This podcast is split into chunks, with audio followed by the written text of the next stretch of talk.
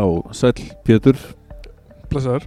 Þessar, Við Pétur Hreinsson Blaðmar á, á morgunblæðinu Við erum mættir hérna hörpuna að eh, að fjalla um eh, mynd sem að þetta er nú kannski svona ný, nýbreytt en við hefum hingað til alltaf að vera að fjalla kannski um myndir sem eru í bíó. En núna breytum við aðeins út á vannum og að Pétur var var nexlar á mér að hafa ekki séð myndina Midnight in Paris eftir Woody Allen.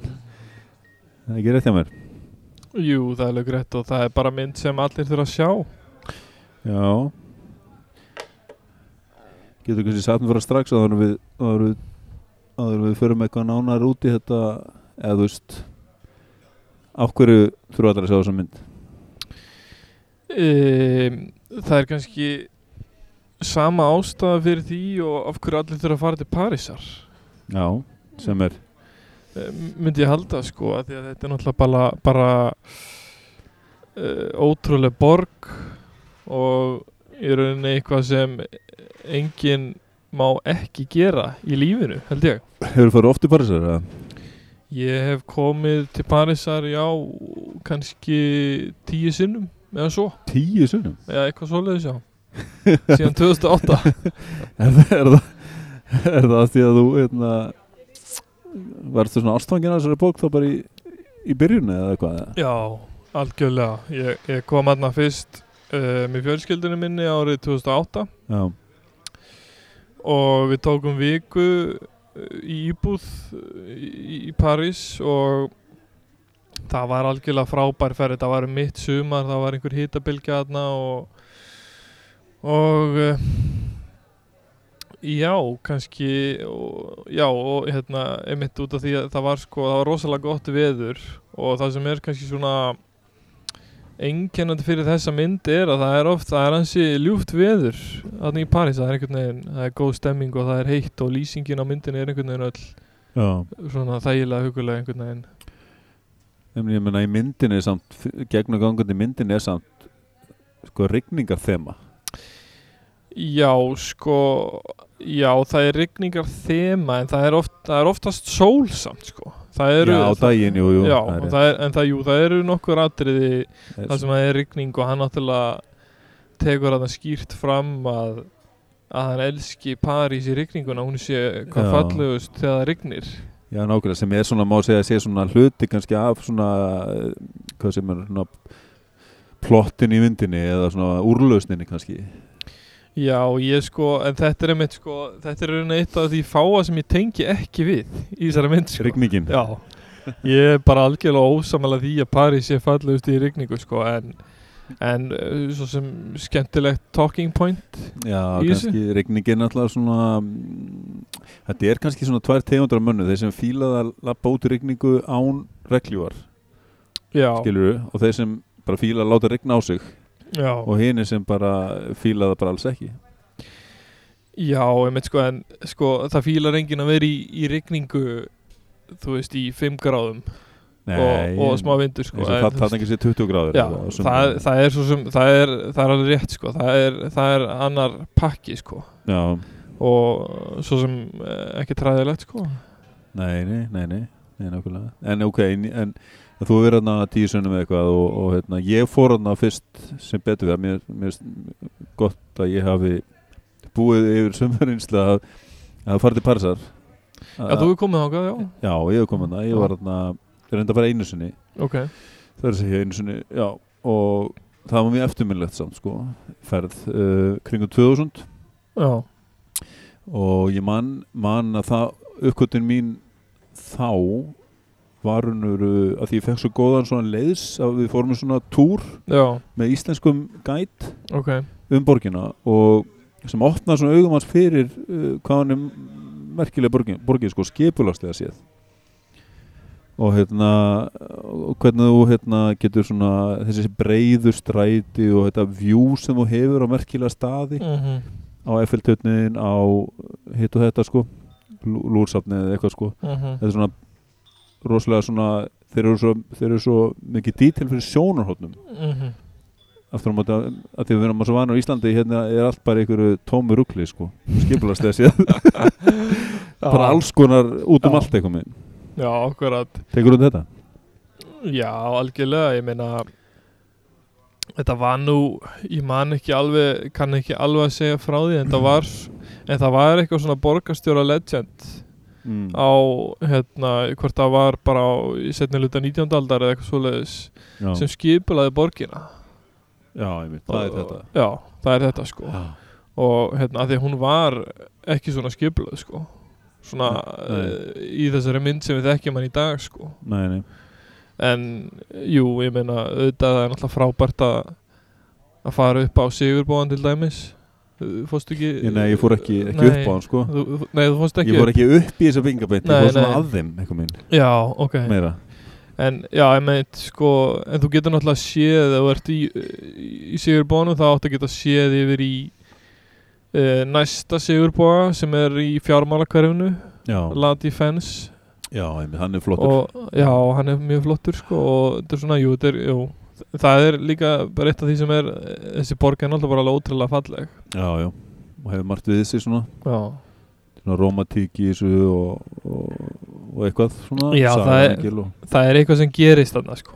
Já, það er, það er, það er eitthvað sem- það er ekki hægt að útskýra. Nei, einmitt, einmitt. Það er eitthvað svona, það er eitthvað öðruvísi. Svo eru náttúrulega þessi borg er náttúrulega nátengt svona, svona listir og menning eru svona eitthvað svona menn men tengja oft, það er svona hugrenningatengsla milli í að nefna París og svo nefna listir og menningu eitthvað minn, en það er ekki svona, þú veist, þá, hugsa mér ok, að það var eitthvað svona tímabil í París það sem var eitthvað rosalega gróska í listum og menningu? Jú og er náttúrulega gerð skil í myndinni. Einmitt, að Roaring Twenties. Róri, já, já, einmitt. Það sem voru já, bara var ótrúlegt listalíf þarna. Picasso og félagar mættu já, já, og, og fullt af bandaríkjumennum náttúrulega? Já, einmitt. Hver, það er nú aðeins sagt frá því í myndinu en getur þú skýrta af hverju þeir voru að hrúast þarna til Parísar á þessum tíma? Ég, Nei, ég kann nú ekki segja frá því sko. Af hverju París varð nákvæmlega fyrir valinu? Hún talar eitthvað um það hérna aðaleikonan nei, hérna einu aukaleikonan hún, hérna Kutilard eða Já, Adriana. Adriana, Já. Talar aðeins um það af hverju bandarækjumennin er að koma yfir, Já, svolítið sko. Ok Hún- já. ef hún er eitthvað, segir eitthvað svona rétt eitthvað svona þú, þú er ákveð að koma hérna, nú er þetta mjög vins alltaf kann bandarækjumenn sé að koma. Ég man ekki alveg nákvæmlega hvernig hún orðaði. Nei, einmitt. Og hún nefnir líka sko og hérna sem ég hjó eftir, eftir ég er búinn að sjá þessa mynd núna nokkru sinnum. Já, og hérna þegar hann er til dæmis að lesa hérna í bókinni í nútíðinni. Já, um, um sem sagt það sem gerist í fortíðinu reyni þegar hann er að flakka þarna aftur í tíman já.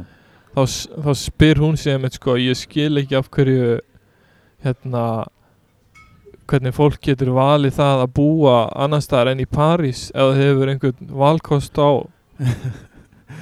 þannig að hún, bara skilur ekki af hverju að, búa ekki allir í París. Og ég, ég skil það mjög vel það Þú aðstöðu ert svolítið sammálinni mjög samanlega Nei, ég meina, það hefur verið bara svo mikið sérstaklega fyrir fólk sem var kannski svona uh, hvað sem var hafði einhvern peningum meðlega handan og hafði svona einhver svona áhuga á því að vera út á djamminu og svona og, og, og, og í miðborginni. Já, þá hefur þetta verið eitthvað svona lifandi staður sko. Á, algjörlega og, og mikið, mikið að gera sko. Mm. en hérna, ég var að spóða eitthvað um að hérna það er eitt er þetta kannski alltaf að minnast á það ég bara, ég bara veit ekki nóg mikið um það til að tala um það en, en, en Woody Allen held ég að einhvern skattalegum ástæðum byrjaði að gera, Woody Allen náttúrulega búin að gera miljón myndir, hefur þetta ekki um tíðina. Og hérna fór að gera myndir í Evrópu að á tíðanbili, svolítið mikið en það var ekkert engungu kannski út á áhuga á Evrópu heldur líka bara, það fekk hann eitthvað svona góðan díl bara að koma til Evrópu að gera myndir. Já, og já, þetta er held ég eh, ef ég maður rétt svona hluta því sko. Já einmitt, áttu þetta ekki að vera einhver röð hjá honum að taka fyrir bara svona nokkra borgir í, í Evrópu? Ætla hann ekki að taka, ég, eh, mér finnst einhvern veginn eins og ég hef lesið hann gerði náttúrulega mynd í, í, Barcelona. Já, hvað hétu hún eftir? Viki Kristína já, ekki? já, akkurat, akkurat. Sem er svona einhverja svipaða pælingar í gangi. Já, já. og, og svo minni mig að ég hafi lesið einhverstaðar að hann ætla að gera eitthvað svipa í, í köpen sko. Nú En- er það? Já, en ég, ég, hérna, ég veit ekki hvert ég að bulla sko en ég, hérna, en Reykjavík kannski? Já, einmitt, Þannig að geta, geta fengið endurgræslu Er ekki 20% endurgræslu svo Jú, já, akkurat sko. Hefur ekki sagt hann frá þessu Þú vil að kúla að fá hérna út í alveg hingað að gera Já, það er 101 Reykjavík. Í endurgerð. Já, Það er alveg frábæri hugmynd sko En hérna, já, einmitt, já, það er áhverju vinkill sko Já. Það sé bara í rauninni já. ekki af nefnir passion í þessu heldur bara engunga skattalegum ástæðum Já, það var ekki, ég, því miður það er ekki með nákvæm að sögja því en, en, Já. en, en, það er náttúrulega er staðrend að, já þetta var, var svolítið skrifund á sinni tíma manni Já, En hérna svo gerði hann líka inn í Róm Hvað Já. hétt svo mynd aftur? ég Hún heit, heitir hérna Það var eina af þessum myndum Mhm. Með þetta hjá þér? Nei, Hún heitir hérna mm, Það byrja nú við, er nú með þetta Það er Viki Kristína Barcelona er í Barcelona. Já, og svo er hérna uh, hvað heitir hún? Róm Rómarmyndin hans. Er það að leita að þessu? já, ég er hérna flett upp í minninu. Já Stóra minninu Já. To roam with love. Já, þú Rome with Love já. Já, Það var eina af þessum myndum. Já, einmitt. Einmitt. En við ætlum ekki að vera að þreita lesendum með þessu. Að telli þetta upp endla en, en hérna en uh, sko ég var að spóða sko að við þekkja allavega út í all en hann er búin að vera starrandi síðan bara 1965 eða eitthvað. Mhm. Og hérna á búin að gera fullt af myndum og fá alveg ótal velun og tala með held í fjögur fern Óskarsvelun Mhm. og, og haug af Golden Globe og haug af tilnefningum og, og, og svo framvegis. Svona að það vita allir hvaða hvaða maður þetta er og hérna hvað hann getur. En svona en eitt af því sem hann er náttúrulega góður í er að skrifa texta og skrifa samtöl og skrifa Já. og hann fekk einmitt uh, Óskarinn fyrir handriti að þessari mynd og Golden Globe hvernig finnst þér er það verðskuldað? Já, absolutt. Þetta var 2000 og, þetta voru Óskarsvölun sem 2012 uh, sem voru haldin þá sko, að því að myndi kemur Já. út á 2011 Já, sko Já, sko hann hefur uh, sko ég var eitthvað að googla í gær og hérna hann hefur verið gaggrindi fyrir einhver svona klísjur og sé svona of einfalt hérna e- of einfaldur boðskapur eitthvað svona golden age thinking dæmi sko. Já, en sko en það sem ég finnst vera svo vel gert við þessa mynd og það sem, það sem ég tengi svo stert við hana mm. er að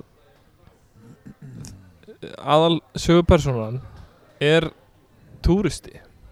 Já, já já, þú meina það og, þú, og við erum náttúrulega bara þegar við fyrir til París þá erum við túristar. Já, einmitt. Og, og einhvern veginn þegar maður fyrir þegar maður fyrir til Parísar þá er maður túristi og þá er maður þá er maður ofta að lesa eitthvað svona sögulegt og eitthvað svona vill upplifa alls konar hluti. Já, og hann er einhvern veginn þessi sögupersonan Gil mm. hann er einhvern veginn að upplifa bara drauminn.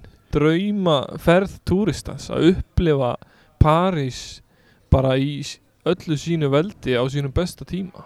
Já, einmitt.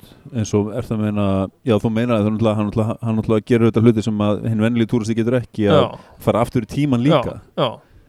þannig að Það er er svolítið svona bónus Já. þetta er svona turbo upplöfun má segja. París Já, þetta er, er vissilega turbo upplifun sko hérna og þú veist, ég til dæmis hérna, það var nú ekki fyrir síðustu ferð en fyrir þar síðustu ferð mína til. Parísar já, þá las ég hérna bókina eftir Hemingway sem heitir uh, A Movable Feast já, og ég myndi hvetja alla til að lesa þá bók já. áður en haldið þetta Parísar Ok. okay. að, og, og líka bara hérna ef, ef fólk, bara áður en fólk horfir á þessa mynd, eða eftir jafnvel, af því að já, e, já, punktur maður sá að e, maður les svona hluti, le, ég las til dæmis þessi bók bara til þess að geta einhvern veginn tengt betur við borgina. Já, og, og A Mobile Feast er náttúrulega bara Hemingway að skrifa sínar endurminningar um sín ár í, í París sko. sem er nákvæmlega eins og, er, eins og við erum upplifið í þessari mynd náttúrulega líka. Já, bara sem er í rauninni þetta er alveg, sko, hann tók ótrúlega margt úr þeirri bók í þetta handrit já, já, já, það já. Já. Og í rauninni, sko, það var samt svolítið sniðut hjá hann að Hemingway var ekkert sérstaklega vel við rigninguna og kuldan í París að vetri til. Já, já, hann talar um það í bókinni, sko. Já, já. og hann, hann snýri því einhvern veginn við bara svona einhver svona listræn sköpun hjá honum sko að vera að snúa því við og búa til eitthvað svona nýtt. En, en hérna það var svolítið skemmtilegt sko ég hjó- hjóðum þetta eftir því í gær sko. En já hann tekur eh, hérna því að vera glugga, glugga í bókina sko. En hann tekur sem sagt alveg ótrúlega margt úr, úr þeirri bók. Já, já, það er Já, einmitt og, þetta rigninga þeim að ég sagði það náðan en en hérna, mér- það sem ég hugsaði sko með þessa mynd, þetta er eina af þessum myndum eins og kvikmyndum einmitt sem eru svona sko ok, þetta er ná pæling sko, þetta er svona Google bók eða þú veist Google mynd eða þú veist þið langar að googla eða svona Wikipedia Já. mynd heila, maður þarf svona alltaf að vera að leita og til að við, að byrju, hérna, Gertrúd Stein hérna, bókátgefndan hérna og byrju, hver á það? Alveg, hún er alveg svaka bara, bara svaka persóna þarna já, og maður, að ég var að vita en, en þetta getur maður ekki gert í bíó þú veist, nei þú veist eða helst ekki, er náttúrulega maður ekki þú veist, það er tröfluna því að maður er með farsímann þar. En, en heima, ef maður er að horfa hana svona eins og við gerum, eða ég gerir núna að því að það sá hann ekki bíó. Mm þá getur maður verið að fara á Wikipedia og lesa sér til um alla þessar karaktera. Það er í rauninni alveg, alveg nöðsynlegt já, og þess vegna þarf þetta að horfa, horfa á þessa mynd oftar en einu sinni sko. Já, eh, já, og, og hérna þú nefnir hérna Gertrúd Stein. Mm uh, það er einmitt sko hún var þarna uh, já, hérna svona einhver uh, bókaútgefandi og uh, algjör líkil manneskja í hérna uh, hjá Hemingway í, í öllum hans störfum veginn að já, hann treysti henni algjörlega hann treysti henni sko. Hún er til dæmis sko ég las hérna ég held að hún heiti Alice B. Toklas sem var sko kærasta Gertrúd Stein eða eitthvað svona. Þær voru hérna samkynnaðar já, og hérna og, og miklir talsmenn hérna titrarans já, og það er alveg ofinbert á sko þessum árum já, hana, já, á þessum árum sko og hérna það er það var titrar henni komin Já, já, hann var kominn sko, já, og hérna, ég lesi þetta síðan morgunblassis mér segja Þannig að það er ímislegt í þessu sko. Já, margt í þessi já, titrar henni komin í allir svona veldi svona, eða svona frum, fyrstu útgáfur. Á þessum tíma. Já, hann var örgulega ansi tignarlegur á þessu tíma sko. Já, ég veit hann er verið En- En já, þannig að það er, það er algjörlega nöðsynlegt að googla og gaman að hérna, hérna googla og fá svona einhverja uh, fyndna fróðleiksmála um þetta sko já, ég veit á hann þessum var svona, svona smá dýft í eða bara vittneskju að því þetta er svo, fr svo mikið frægum einstælingum en, en, hérna, en, en bara til að við segjum svona bara örstuð auðvitað, auðvitað snýst þetta myndin, myndin snýst um það að hann og kærastan koma til Parísar er að fara að gifta sig eitthvað með og er að fara að undirbúa það e- er með það eitthvað með í svona farvegi sko. Já, hann bara lendir í því eitthvað með að geta flakkaði með tímanum eitthvað með já, í París. Já, og er að hitta alls konar svona andans og jöfra. Já. bæði á sviði myndlistar og ritlistar og jafnvel eða? Já, sko rauðu þráðurinn í myndin er náttúrulega þetta er náttúrulega bara ástarsaga þetta er bara svona romantísk gamamynd í rauninni kannski að svona segja já og nei samt sko. Já. þau eru bara meira svona að rífast hann eitthvað með en það er Já, ekki mikil sko- ást í myndinni kannski, Já, sko, þau eru ekki að rífast en þau eru svona er ekkit innilega mjög kannski aðalpersonar nei, sko ástarsagan er náttúrulega á milli hans og Adrianu e, já. Og Parísar kannski. Já, og Parísar. Og hérna það held að ég sé að, það held ég að ég sé svona allavega mínum mati var það svona er svona rauðið þráðurinn í þessu þau einhvern veginn smetla strax við fyrstu sín og hún nefnir einmitt sko að hérna hún talar um sko that immediate magic já, þegar hún hitti hann já, já, Gil. Og, og þetta kemur aftur fram í bókinni sem hann les sko í nútíðinni um það sem er að gerast í fortíðinni þar sem hann var stattur já, já, jú, við reyndar hún, Já. hún, að hún hafi voruð ástofngin á raun og Já. ég, ég held ég að við googlað eitthvað svoleiðis að, að þetta hafi verið svona svolítið markmið hjá Woody Allen með þessari mynd sko. það var bara, það var þessi það var þessi ástarsaga þeirra tvekja já, og það ætti einhvern veginn ekkert að, að trubla þá sögu. Já, það var svona einhvern veginn já, eitt af markmiðum hans með þessari mynd sko. já, einmitt, einmitt. En það er svona, jú, þetta er ástasaga en það er ekkit eitthvað svona þetta er ekki svona hólmark ástar ástar Nei. hérna, vella. Þannig, og þú segir. Nei, alls ekki sko. En, en ég meina þegar ég meina það fara fullt af tilfinningum í gang þegar þeir eru að kveðjast þarna þegar hún ákveður að fara á La Belle Époque. Já, einmitt. Og þau eru að kveðjast. Maður sér alveg að það tekur á þau bæði Þetta er margt samt svolítið surrealist við þetta, þetta líka samt sko, því að, Já. svo ég nefni það bara að, hérna að hérna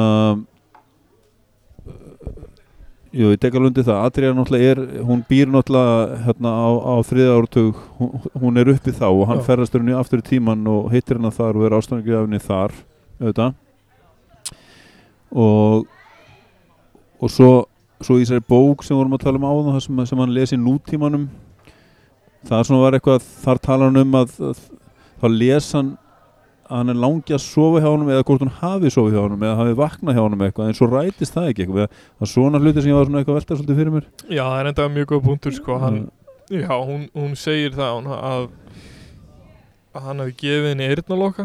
Já, einmitt.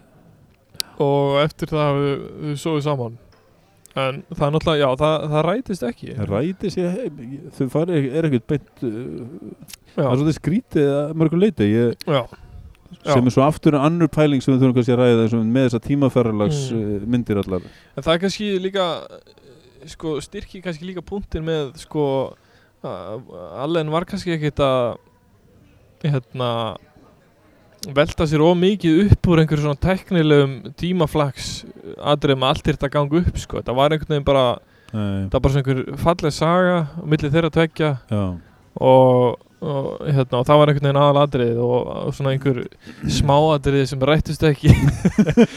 Það skipti, mín á máli.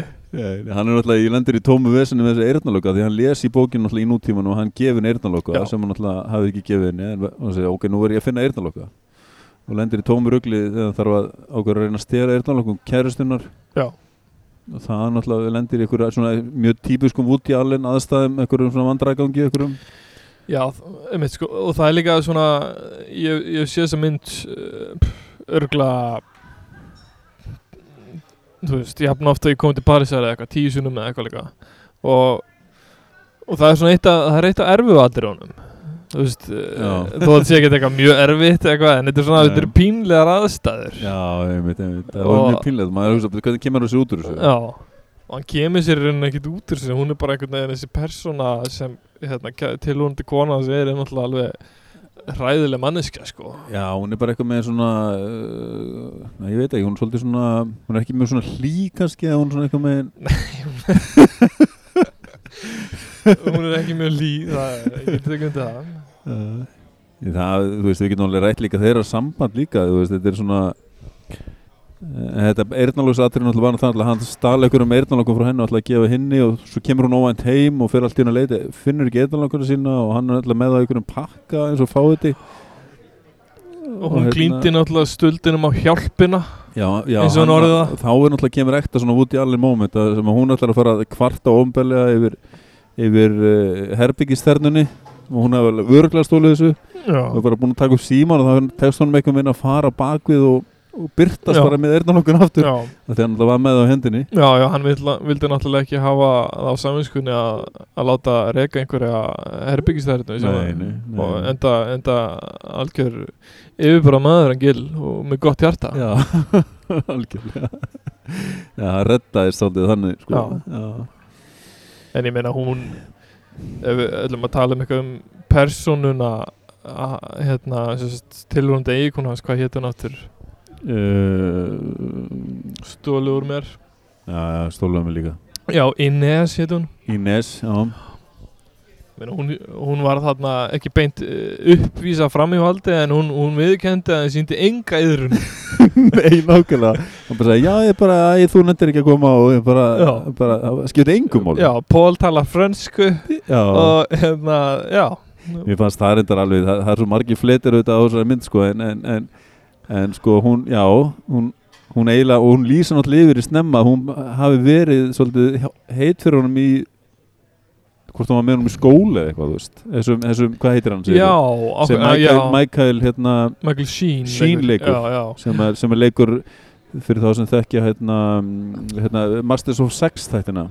Sjónastættina, hann leikur hérna einhvern klikkaðan besservisser þetta var náttúrulega svo, sko það er alveg sko yfirgengilegt hvað hann er mikil besservisser eða, já, algjörlega Og frábæla samt, sko, hvernig það næra að láta hann að mann fungera, sko þetta er alveg frábæla skrifaður karakter. Já, já, einmitt, einmitt. Hann, hann var bara yfirgengilegur. hann var með allt á hreinu held þetta fyrirlestra bara en svo er alltaf skemmtilegt hvernig úti á lirunur að hérna, reyna að drulla yfir besservisserna með því Já. að láta rekan á gatana þegar gætin hefur verið að rífast og líka þegar hann hafði það er eina ákveðið elementi myndið þar sem hann er svolítið að svona skjóta á svona besservissera á, á tveimur stöðum bæði það er gætin sem Karla Bruni leikur já, akkurat fyrir hann til fórsettar frá hérna Fraklands já, já, og líka þegar hérna hann er bara með faktana eftir að ferast aftur í tíman hann mannstu því?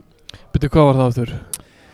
Nei, þá var hérna að Bessi Vissirast já, um, um málverkið. Um málverkið já, akkurat já. þá hafði hinn verið bara aftur í tímanum bara með á staðnum. Já, ákveðrat, hann var, var vitni að vitni að þessu öllu saman. Það var, já, algjörlega þetta er uh, mjög vel hefnað hjá Allen, sko. Já, og hérna einhvern veginn ge gerir þennan mann sem uh, veit allt um uh, einhvern veginn það sem einhverjir plebbara vilja vita um, vín og Já, einhverju já. svona list, sko. Og algjörlega pakkar honum saman einhvern veginn. Takkar nú saman en það var alveg, alveg gaman. Ég hef gaman að svona típum sko en, en hann var einmitt með rauðvinni sko, þú veist, hún hafði sagt já, hann veit allt um rauðvin, rauðvinsmokkun. Pólsson expert. Er, Já, í rauðvinum eins og eru já, þá var hann bara, já, að smá hestús hérna í þessu og leður og, og Gil var sko. bara hann eitthvað að þamba rauðvinu Akkurat mikil ugla í byrjun. Já, mikið lögla Akkurat sko. Hann bara þambaði glas eftir glas sko, hann, nefndi ekki eitthvað svona snoppi sko. Akkurat Bara sem er líka bara eitt af eitt af því sem gerir þessa mynd líka svo fyndna sko. Já, já, einmitt, einmitt. Hún er alveg ótrúlega fyndin líka sko. Já, já. Nei, nei, það er hérna, já, með mitt En hérna En það sem ég vildi segja með þessa Það sem ég var skrítið með þessa, þessa ástasugmyndi þeirra tveggja, ja, þetta samband þeirra brúðhjónuna Já, er eitthvað minn hvað, mér finnst það svolítið svona típ ef, ef við tölum um eitthvað sem er neikvætt við myndina eða þannig að- en hérna mér er svolítið svona ólíklega þau eru hann í einhverju Parísaferð og ef þú ert með kæristunni í París þá myndur þau vilja vera meðinni svolítið. En, en hún bara eitthvað með henni alltaf bara sjálf að fara í alls konar ferðir og gera eitthvað en hann kemst upp með svolítið að vera bara eða oftast nær kannski ég, eða maður, jú að vera bara heima eða eitthvað og, og vera heima að skrifa og samt finnst henni hún, hann vera vonlaus eða hún ennir ekki að púkka upp þetta rithöfundabull í honum. Já Emmett sko, þau eru náttúrulega og hann viðkenna viðkenna náttúrulega í einni senunni þar sem þau eru bara algjörlega ólíkir karakterar. Og hérna við í einhverju samtali sínu við Adriánu já, þá segir hún eitthvað eitthvað, ég vissi ekki að þið værið að fara að gifta ykkur. Þú nefndi það aldrei. Og hann eitthvað "Eh, jú, við erum að fara að gifta okkur. Og eitthvað svona og hún spyr eitthvað hvernig hún er. Og hérna og, og, og spyr svo þeir eru vantilega eitthvað svona eh, já þeir eru samanlega um mikilvægi hlutina. Og hann eitthvað svona já, já, eða, nei kannski, þetta er meira kannski litlu hlutinir kannski, hérna, við erum við, við fýlum bæði indverskar mat já, já. nanbröðið þannig að sko þau eru, þau eru algjörlega ólíki karakterar. Já. og ég veit ekki hvernig þau hafa slýsast til þess að verða einhverju pari sko. Nei, já, já, þau eru nöður kannski ekki endilega svona destined to be sko, þannig. Nei, alls ekki sko, í runni Jú, hérna, og það, það er svo sem ó- ósögur spurning sko, hvernig þau lendu í því að, byrja saman sko. Já, já, nákvæmlega. Nei, nei, en hún náttúrulega uh, Já, já En svo náttúrulega er, eins og segja nei, það, þetta, er svona, er svona erfitt eitthvað með að átta sig á því einmitt að, og svo þegar hann bara segir að hann uh, þetta gangi ekki upp eða eitthvað og svona hjá þeim og, og þá er hún samt mjög undrandi að þú, hún ætlar allavega að gifta svona samt sko þó hún hafi haldið fram hjá hannum og, og skipta einhver máli, þú veist, þetta er bara eitthvað með Já, hún sér eitthvað við hann og, og hann er náttúrulega vel hefnar handritsöndur frá hérna í, í Hollywood, Hollywood, sko. Hollywood Þannig að hún, og það þykir eflaust vera uh, nokkuð töff. Já, það er töff og hann, hann, hann er með tekjur. Hann er með tekjur og ég held að tengdafæður hans einmitt, nefnir það einmitt í einhverju samtali sko, bara I've seen what he earns segir hann einhvern tíma sko og svona guttirar það einhvern veginn. Já, já, en þannig að það er kannski já, það er kannski bara það sko. Og svo er, ég meina, Owen Wilson hann er náttúrulega ég veit ekki, jú, jú, hann er þokkalega myndalega maður svo sem, Já, þó hann sé skrítin líka en, Ég held á svona sérkynlegan hátt Já, já, en er svona- Nefið er svona brotið já, nefið brotið sko en, en hann hefur sjarma. Já, hann hefur sjarma, þetta er, er skemmtileg leikari. Já, Það er skemmtileg típa svona Ég, ég hef alltaf fílað hann sko. Hann er með sko upphaflega var svo persóna held ég skrifuð sem hérna sko hérna einhver svona austurstrandar hérna maður uh, í bandaríkjónum og hann átti að vera einhver svona einhver, einhver fræðimaður eða einhver svona intellectual frá austurströndin í bandaríkjónum og svo þegar að allen ákvaða að ráða Wilson Já, í, í hlutverkið þá, þá breytt hann breytt hann karakter breytt honum í handritsönd frá Hollywood af því að hann fannst að passa Wilson betur sko já, ertu að meina hérna Já, hann skrifaði handrið bara fyrst. Já, Svo var hann velta fyrir sér leikurum já, og þá hafa hann bara eitthvað með en Já, eða séð Vils, Vilson eða svona, og svo einhvern veginn lent hann á Wilson. Já og þá hafa hann breytt þessu. Já, Já, já, já. Mér finnst það mjög hérna Já, eins og segja, bara ég er skemmtilegu típa kannski fíla hann ekki allir en, en, en hann er svona Svo náttúrulega er líka ákveðin svona staðrend að Woody Allen leik- leikur ekki í myndinni sjálfur. Já, Hann leikur yfirlt í, í flestum myndum sjálfur. Og þennan vandrarlega mann, þessi sem er alltaf endalins vandragangur á mhm, sem er svona alveg karakterenginu fyrir Woody Allen hann- þegar hann leikur í þessum myndum. Og ég var reynd að leita svolítið eftir þessum sko vandragangsmanni í þessari mynd hver væri það svona substitute fyrir? Óvin Wilson er það að hluta til eitthvað svona þessi, þessi Woody Allen típa í myndunum.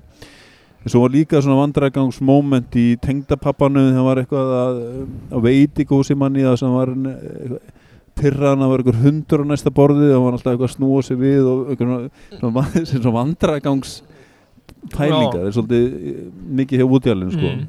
Og, þú fannst það ekki svona og þú, og þú fannst það ekki já, jú, sterkt, ég, ég, fa- sá það svolítið þar, Já, sá það aðeins í. Owen Wilson, sá það aðeins í tengdapappanum og svona í litlum, það var svona nokkur svona moment svona kannski, sko við segja sem Mhm. var svona dæmiger svona eins og maður séð Woody Allen sjálfan þegar Mhm. tólka persónu sko Já, ég meina, jú, það, já, algjörlega, en sko, uh, svona, ef maður rifjar upp sko tímaflakki hjá, hjá Gill eða Owen Wilson, já, það var náttúrulega oft svona, uh, svona smá basla á honum, svona átt að segja á aðstæðum og, og svoleið, sko, Já, já. þarna, mjög finnar aðstæðuna þegar hann hittir fyrst, sko, þarna, uh, Scott og Seldu Fitzgerald, Já. hjónin, sko, já, og spyr svo bara á endanum bara nennir ekki þessi rugglu og spyr bara hei, hvar er ég?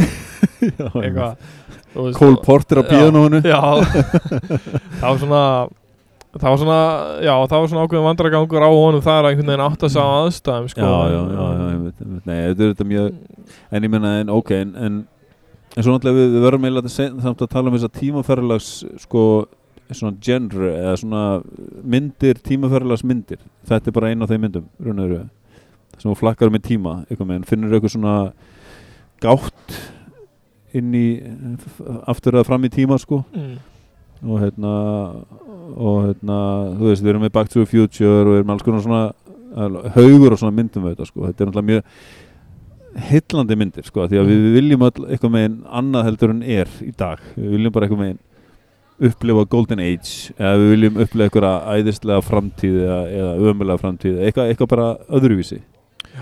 Það er sko og sko eins og ég nefndi hérna áðan uh, varðandi gaggrín að þetta hafi verið svona einhver eitthvað cheap uh, hérna boðskapur með Golden Age thinking þá er þetta samt mjög ríkt í mjög mörgum í dag. Já, og hérna og algjörlega þessi virði að, að framkama eitthvað svona finnst mér sko.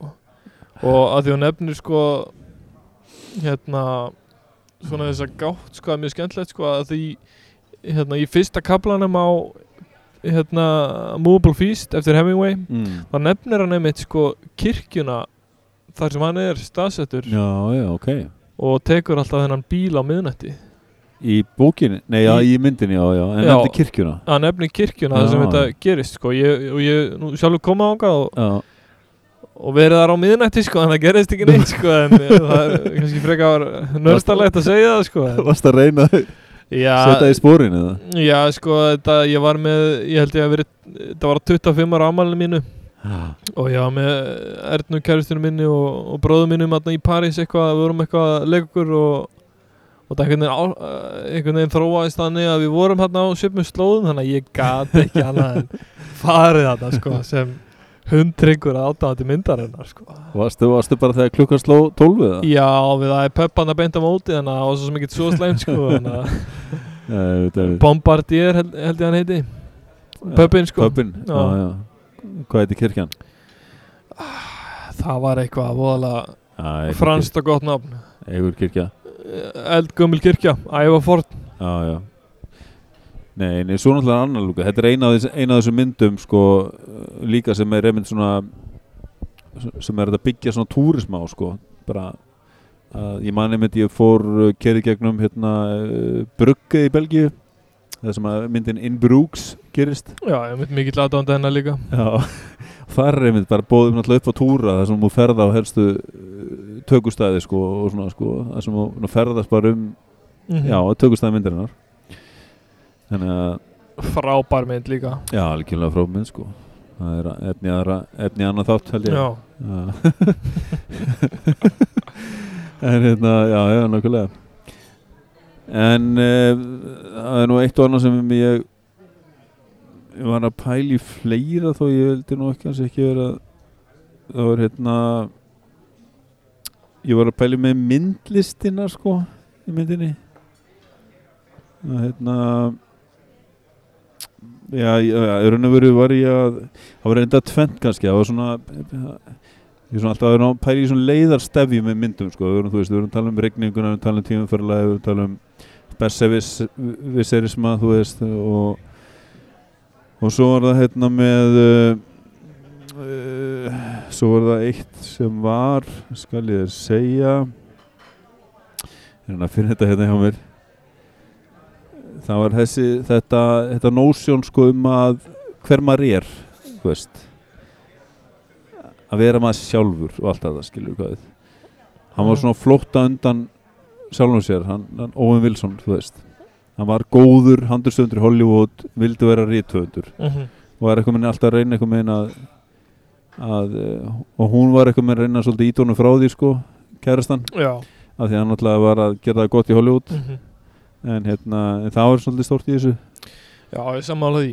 Og það í rauninni tengist uh, held ég frekar stert þessari Golden Age thinking sko. Já, að vera einhvern veginn að leita að einhverju aðeins betra. Já, já, einhverju sem maður hefur ekki en hefði kannski viljað sko. Já, já og hérna en ég meina, ég, maður skilur hann alveg. Ég myndi nú setja ranka hérna listamennar Roaring Twenties svona aðeins eh, ofar svona í ég veit ekki, ég veit ekki, það er kannski meira töff heldur en að vera handriðstöfundur í Hollywood sko. Já, og já. fundið það líka sko. Já, hann hafði eitthvað svona bóhem svona draum í Já, maðanu sko. akkurat, Gekk sko. með hann og mm og auðvitað er að vera töff að vera svona eins og þeir voru hérna Hemingway hérna hangatabarnum auðvitað alltaf blindfullu vendilega og Já, Hemingway náttúrulega sér kapitali út af fyrir sig í þessari mynd sko, hvað, já. hérna þeir, hann er einhvern veginn að fanga hans geggjuð frasa út í Já. gegn Já, hann bara kom bara með eitthvað svona one-liners eða svona liners bara eitthvað með svona, svona uh, skilabóð að Já. Þetta er einhver svona 10-20 orð, lýsingarorð sem hann er með í bankanum og Já. svo bara endurtekar hann þau í alls konar setningum Já, já, og, og það bara svín virkar sko Já, já, ég veit, þetta eins og bara svona svakaleg svona svona ráð, ráðgjöf eða svona hvað segir maður, svona uh, ráð til ungar rithöfuna Já, hvernig maður ætti að hafa sér? Já, ég meina þetta er bara svona alls konar hérna, orð sem þú gerir einhvern veginn ekki greinar mun á sko, það er eins og eitthvað svona graceful og noble. Já, ég veit, þú ég veist veit. hver er munurinn á þessu sko og Svo er líka mótsandi kendur að því að hann segir sko, hann segir bara Gil segir, herriðu, hút Hemingway geða, þegar má ég sína þér skáldsöguna mína og getur þú lesa hann yfir fyrir mig og sagt mér aðeins hvað þið finnst og eitthvað svona, Hann nei, aldrei. Mm ég les aldrei rithöndur er aldrei að gagnrýna, eða þú veist eitthvað, Já, lesa já. verk annar rithönda, Já. þá eru opinion ég mun alltaf hata hana, ég mun alltaf hata hana. ef hún er góð þá, þá ég drepa þig þá er þetta samkjöfni og ef hún er léleg þá bara er hún léleg Já, já, einmitt sko. En, en svo eru mótsögnu að því að þið setna að lesa hana. Já, það er rétt. Já, Hann les bókin og, og þótti bara uh, bísna gott, minni mig. Já, hann er hann er svona rugglutallur líka sko. Já, já, já. Hann er það sko. Þeir eru störa sko allan eins og Woody Allen en, en einhvern veginn sko Ég byrjaði að lesa Hemingway bækur eftir að ég sá þessa mynd sko. Já, Og- kveikt já, og að því að mér fannst þetta svo skemmtileg skona, hann var skemmtilega teiknaður upp í myndinni sko og áhugaverður sko. Já, einmitt, einmitt. Og afskapla fyndi pers- karakter líka sko. Já, já. En svo var annað með, svo ég stökkur einn í annað, þá var þetta tímaförlæði, mér langaði að minnast það líka, sem, sem ég fannst svona að vera eðst, mínus, skulum við segja. Að því að, að því að hann stekkur alltaf í tíma, alltaf til sama tímans, veist, alltaf til Hemingway og til hana Arjónu og eitthvað svona. Sem var náttúrulega auðvitað einhver kærasta Picasso og fleiri sko. En hérna, svo er hann alltaf inn fyrir að stökku á aðra tíma líka. Og hún með. Já, og svo er líka þessi rannsónulögn og þá finnst mér út í alveg vera að missa það eins þegar, rannsónulöglumæðurinn sem að tengda pappans réð til að fylgjast með honum? Heldur kom bara til Versala? Á, Já, á bara- bara 15. öld eða eitthvað já bara tímum uh, sólkonungsins. Sólkonungsins sko, þá Já. bara einhvern veginn er þetta orðið svona létt surrealist Já, það sko akkurat sko. Það er hérna þau fara hérna Get- já þau einhvern veginn hitt á einhvern ennþá eldri vagn og fara Já, aftur já. Já, þegar þau eru saman. En ekki veit ég hvernig rannsóknarlauruglumæðurinn endaði á tímum Lóðvíks uh, 14. eða, eða eitthvað líka. Nei, sko hérna en það var eh, helviti fyndi sko. En ég, mér minnir ég hann að lesa að það hafi verið eitthvað stef sko. Eitthvað svona einhver það var eitthvað skýrskotun í eitthvað þau annað fóru náttúrulega til. Versala hann í myndinu þetta sko. Já, veist, í, með hann mest Já. vissunum hann, Michael Sheen hann sem hann alltaf vissi allt um einmitt sko. Já og það sem hann sagði að Versalir væri annað nafn fyrir eh, hérna, landsvæði það sem er búið að rífa upp allt ílgresi og all, öllum þótti mjög tilkomið já, hér að bara ílgresi. Terrain where the weeds have been pulled. Þetta hann hafi sagt sko. Já, já, já. Já, ég veit, já. Uh, En sko, hvort það hafi verið vísun í eitthvað annað einhver aðra bók eða einhver, eitthvað annað tímaflagsverk sko, eh, hérna, Já. gæti verið eitthvað svoleiði sko. Já, En já, en, en vissulega er það meikar það ekki alveg senn sko. En uh, mögulega hefur það bara ekki skipt alveg neinu máli. Nei, eins og þú sagðir á henn að hann, hann er ekkit endilega eitthvað að pæla í því hann bara, hann bara gerir þetta eða? Já, og bara einhvern veginn fókusir á þessa þessa þessa sög hérna, þeirra tveggja Gill og Adriönu og svona þessara niðurstöðu þeirra um um Golden Age thinking sko. Já, já, einmitt, einmitt Nei, nei, en svo náttúrulega er uh, svo svona uh, röppum þessu upp, sko, þá náttúrulega svo er allir náttúrulega þriðja hvern bara svona love interest þannig komið, náttúrulega. Uh, Já, akkurat í nútíðinni. Í nútíðinni hann uh, sem að á flóamarkanum hann Já, einmitt. Þar var hann einhvern veginn búinn að sætta sig við að einmitt. vera í nútíðinni sko, ef- eftir að hafa átt að sjá þessi mikla sannleika um Golden Age Thinking. Já, og hættir með hérna eh, hérna Ines og, og ætla bara að flytja til Parísar. Já, búin að taka ákvörðum bara að flytja þarna og og bara láta vaða drauminn. Þetta var drauminn og, og, og allt það sko. Þá var hérna alls, alls óviss hvort hann eða ykkur um árangur auðvitað sko, það það var ekki komin í staðfistik á það svo sem að hann væri eitthvað góður reytu undur Já, þannig laða sko það var svo sem eiginlega nöðsileg lending sko, það var ekki hægt að enda þessa mynd með því að láta Ines og Gil gifta sig sko Nei, það, það þurfti að slúta þessu sko. já, ég var slúttið þess að þetta var bara orðið eitrað bara eitthvað með Já. Það var svo sem bara mjög vera. snjöll lending sko, að láta Já. svona tvinna inn einmitt þessum flóamarkaði þarna Já, í París. Og Cole Porter var ekki plötur sem að, já. Já. sem að hún var að selja honum sko. Já, akkurat sko. Og hérna, og svo fíla hún rigninguna. Já, einmitt sko. Þetta er svona endar endar á því að þeir fíla bæði að labba í regningunni Já, ég veit, það var svona ég, en ég skilða það ekki ennþá sko en, Nei, þetta- nei, en þetta svo sem bara skemmtilegt stef já, sko Já, já, það lokar þessu svona svolítið já, akkurat Því að sko. þetta byrja svolítið á því með, ef ég mann rétt myndin já, hann byrjar um að tala um The 20s in the Rain The yfir málverkinu já, eftir hún er bara, þú veist, hana. bara, nei, bara, þú fáiði eða eitthvað og Já. bara, hérna En hérna, já, já, þannig að, þannig að eitt kannski svona því að ég hef nú, nú, nú áhuga myndlist og svo framvegis, þannig að voru margir myndlistar sem komið við sögu myndinu þetta. Já, þú veist Salvador Dali og, og Degas og Picasso þetta og, og hérna Monet og fleiri sko. Og hérna gaman að því bara en hérna en svo er, en svo er, svo er eitt sem er líka það bara, bara skiptir eitthvað máli en, en, en plaggatið, það er þetta með mynd það er þetta með hérna, málverk eftir Van Gogh já, akkurat ég man ekki eftir að sé hann í myndinu ég, nei, nei, hann var ekki í myndinni held ég. nei, nei Uh, glæsilegt glæsilegt málverk samt sem já, áður. já, já, já. og svona hvað heitir það eftir St eitthvað Starry Stjörnu- Night eða Starry eitthvað Night, já, eitthvað, Já. já, einmitt.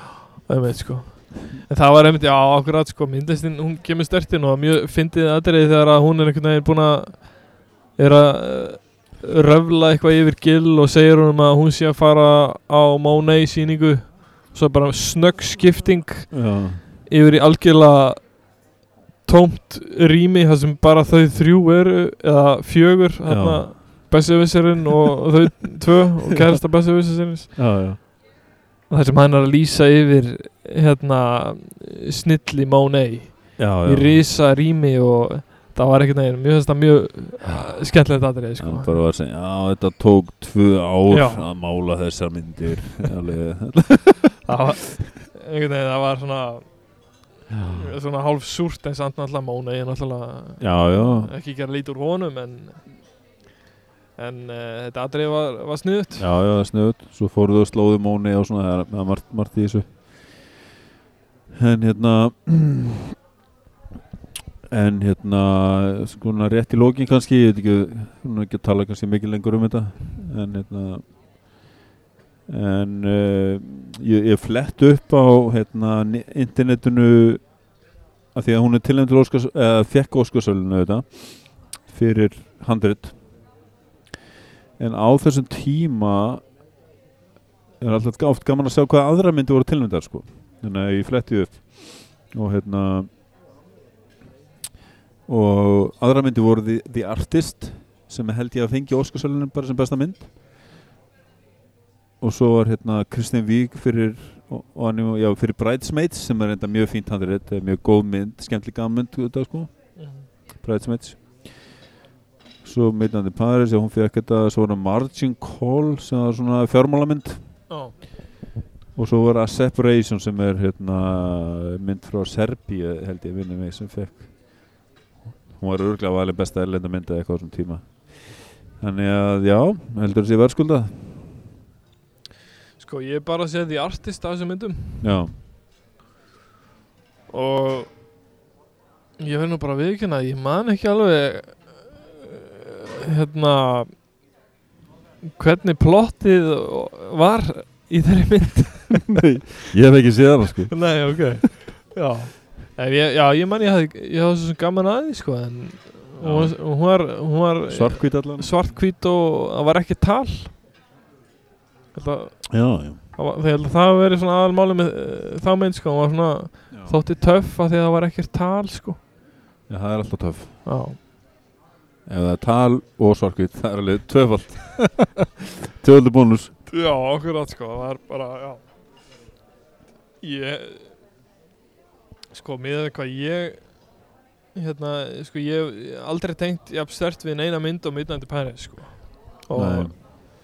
ég er náttúrulega ekki rétti mann til að fá einhverja hlutlausa hlutlaust mat á þessu sko ég, gaggrina skoðun á þessu Já, nei, ég, þetta er bara absolutt hérna, þetta er bara neg negla þetta er maður segir. negla sko og Já. ég meina var þetta ekki líka fyrstu Óskarsvölun út í allen í fleiri ár? jú, jú, jú, ég held það sko Ég held það. Langan tíma sko. Sko ef maður ætlaði að fara í það þú veist það er alveg ég fletta þessu upp á svona trivia hjá, hérna í hjá hann sko. Já, í hérna á E IMDb sko. Það er bara endalust af ykkur dótið sko. Já. Þannig að ég nenni nú ekki að fara tíundu það hér en hérna en hérna já eins og segi, þú ert náttúrulega ert ekki maður til að vera, vera mjög gaggrinn á þetta. En hérna Þetta er reynir bara, ef þú ert að fara til Parísar þá þarft að sjá þessa mynd. Já, ég er sammála því ég, svo er elga, mér er svolítið gaman að því að myndi byrjar í svona postkortum þetta er bara eins og Eurovision hérna postkortin Já, og þetta var algjörlega eftir að ræða það reyndar bara já. Notre Dame bara Signa, eða ekki á hann hérna? Jú, jú, jú. Það er bara postkort Já, þetta eru bara postkort Já. og þetta eru bara lifandi postkort sem er verið að sína þarna í þrjára og hálfa mínútu. Já, já, og uh, frábærlega heppna til þess að koma mann einhvern veginn í París að gýrin sko. já, já, já. að því að svona er þetta bara. Ég meina, sko þú fer til Parísar í júni, júli eða ágúst, mæ líka, Mhm. þá er þetta bara stemmingin sko. já, já, einmitt. Þetta, er, þetta er algjörlega frábær borg. Já, einmitt, einmitt. Eitt bara alveg að lokum, ég með dætti hug hérna með veist, þetta er svona myndin svona snertir á, eins og þetta er svona tegundum mynda ein, þú veist, það er minnst með algengt þeim í myndum, það er fólk að fara að gifta sig. Já, það er alveg já, og svo gerist eitthvað, þú veist. Já, já. klú, klúrast já. Er þetta ekki alveg þannig mynd? Jú, algjörlega. Fólk einhvern veginn sér uh, þá kannski svona hlutina í skýrar á ljósi og tekur kannski afdrifaríkari ákvarðanir. Svona ögur stund eitthvað um framtíðina. sko, já, akkurat. Þá taka, og þá einhvern veginn verður til saga sem er uh, einhvern veginn verðt að segja kannski? Já, einmitt, það verður til eitthvað drama kannski svona, því að, að tilfinningar eru svo miklar er svo mikið í húfi svona, svona segja kannski fyrir fyrir framtíðina. Algjörlega. Þannig að þetta er algjörlega þannig mynd. Herðu, ekki bara að segja þetta gott um myndandi París ég held að eh, það væri hægt að tala um þetta í tölvöld lengri tíma en þetta er bara orðið fínt sko. Já, ég held að ég held að það sé alveg, alveg rétt.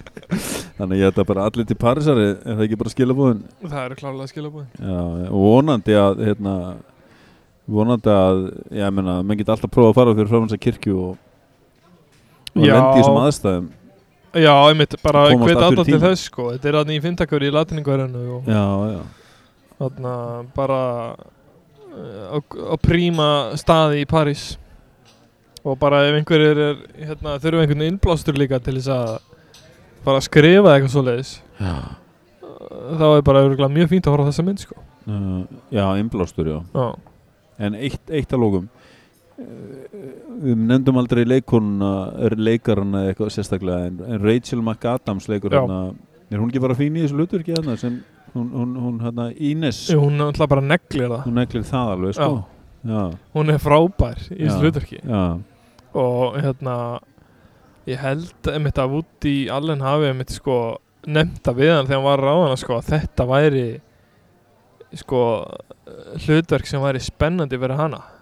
Hún tekur einhvern veginn svona uh, bitchy einhvern veginn pælinguna á annað level í þessari mynd sko. Það er bara ríkala vel gert hjá Já, vel útvært sko. Já, nákvæmlega og hann eitthvað með bara í sínum svona vandrargangi hann með já. siglir í gegnum þetta eitthvað með og hún er bara algjörlega fylgjandi einhvern veginn eh, hérna sjónar með bara svona að ég veit ekki, hún bara mamma hennar var að tala um að kaupa einhverja sumarstóla Já. 18.000 uh, eurur Tvær miljónur já, þetta er einhverja 2-3 miljónir cheap is cheap sagði hún Já, sko. þannig að, jú, jú, hún neglir þetta já, algjörlega sko. já, já, hún neglir þetta algjörlega. Og svo er hann skemmtilegur aukaleikar sérstaklega tengdapappin er svona alveg þekktur aukaleikar sem maður náttúrulega veit ekkert hvað heitir auðvitað. Já, akkurat. Og hérna og svo man ég þekktur nú ekki þess að jú, jú, en Adrian Brody leikur hann að Salvador Dali. Já, skemmtileg koma hjá honum. Já, einmitt, einmitt. og hérna Það er ekki að fara að teikna hann ef ég maður rétt en svo ser maður svo sem aldrei teikninguna hjá hann Já og svo, já, já, það er hérna, það er náttúrulega algjörir gæða leikarar í þessari mynd sko, Já, og ég held að hún hérna, ég man nú ekki hvað hann heitir hérna, þessi rauðhærð frönsk leikona sem leikur í Into Shabl myndinni, hefur séð hana? Intouchable Untouchables. Untouchables, já. Já, Já, já. Maður segir að vist hinn segir á frönsku. Uh, hún á vist að hafa einhvern veginn svona uh, tekið hressilega móti út í allen í París sko uh, á meðan tökum stóð Já, og hilsa honum og bara og í allen tók því einhvern veginn ekki nógu vel nefndi ekki að vera eitthvað já. og svona eitthvað alltaf óvænt og eitthvað þannig að hann bara köttaði hana út úr myndinni sko Nú, nú var hann hún átti að vera einhver svona partygoer eitthvað in the 20s og átti að vera með einhver setningar eða veit það nú ekki en, en hérna, hún er þótt að eitthvað pyrrandi sko. en sko og, og það er náttúrulega bara frábæð leikuna og hann bara sem sýnir líka bara hvað eru einhvern veginn, hann hafði bara efnað því að kött út hérna, Já, einhver flotta leikara leik, flotta leikara sko. Já, einmitt, einmitt. Nei, nei, og það voru fleiri náttúrulega leikarar uh, Þetta voru þekkti leikarar ef maður rétt sem var leik uh, Scott Fitzgerald, hver leik hann aftur? ég manna nú ekki Jú, það var þekktu leikari.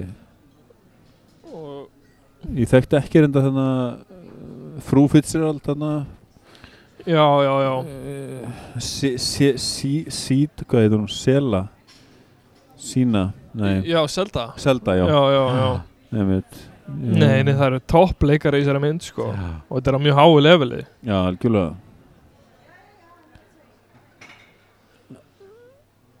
Þannig að uh, Já, já, það er alveg það er ekkert hérna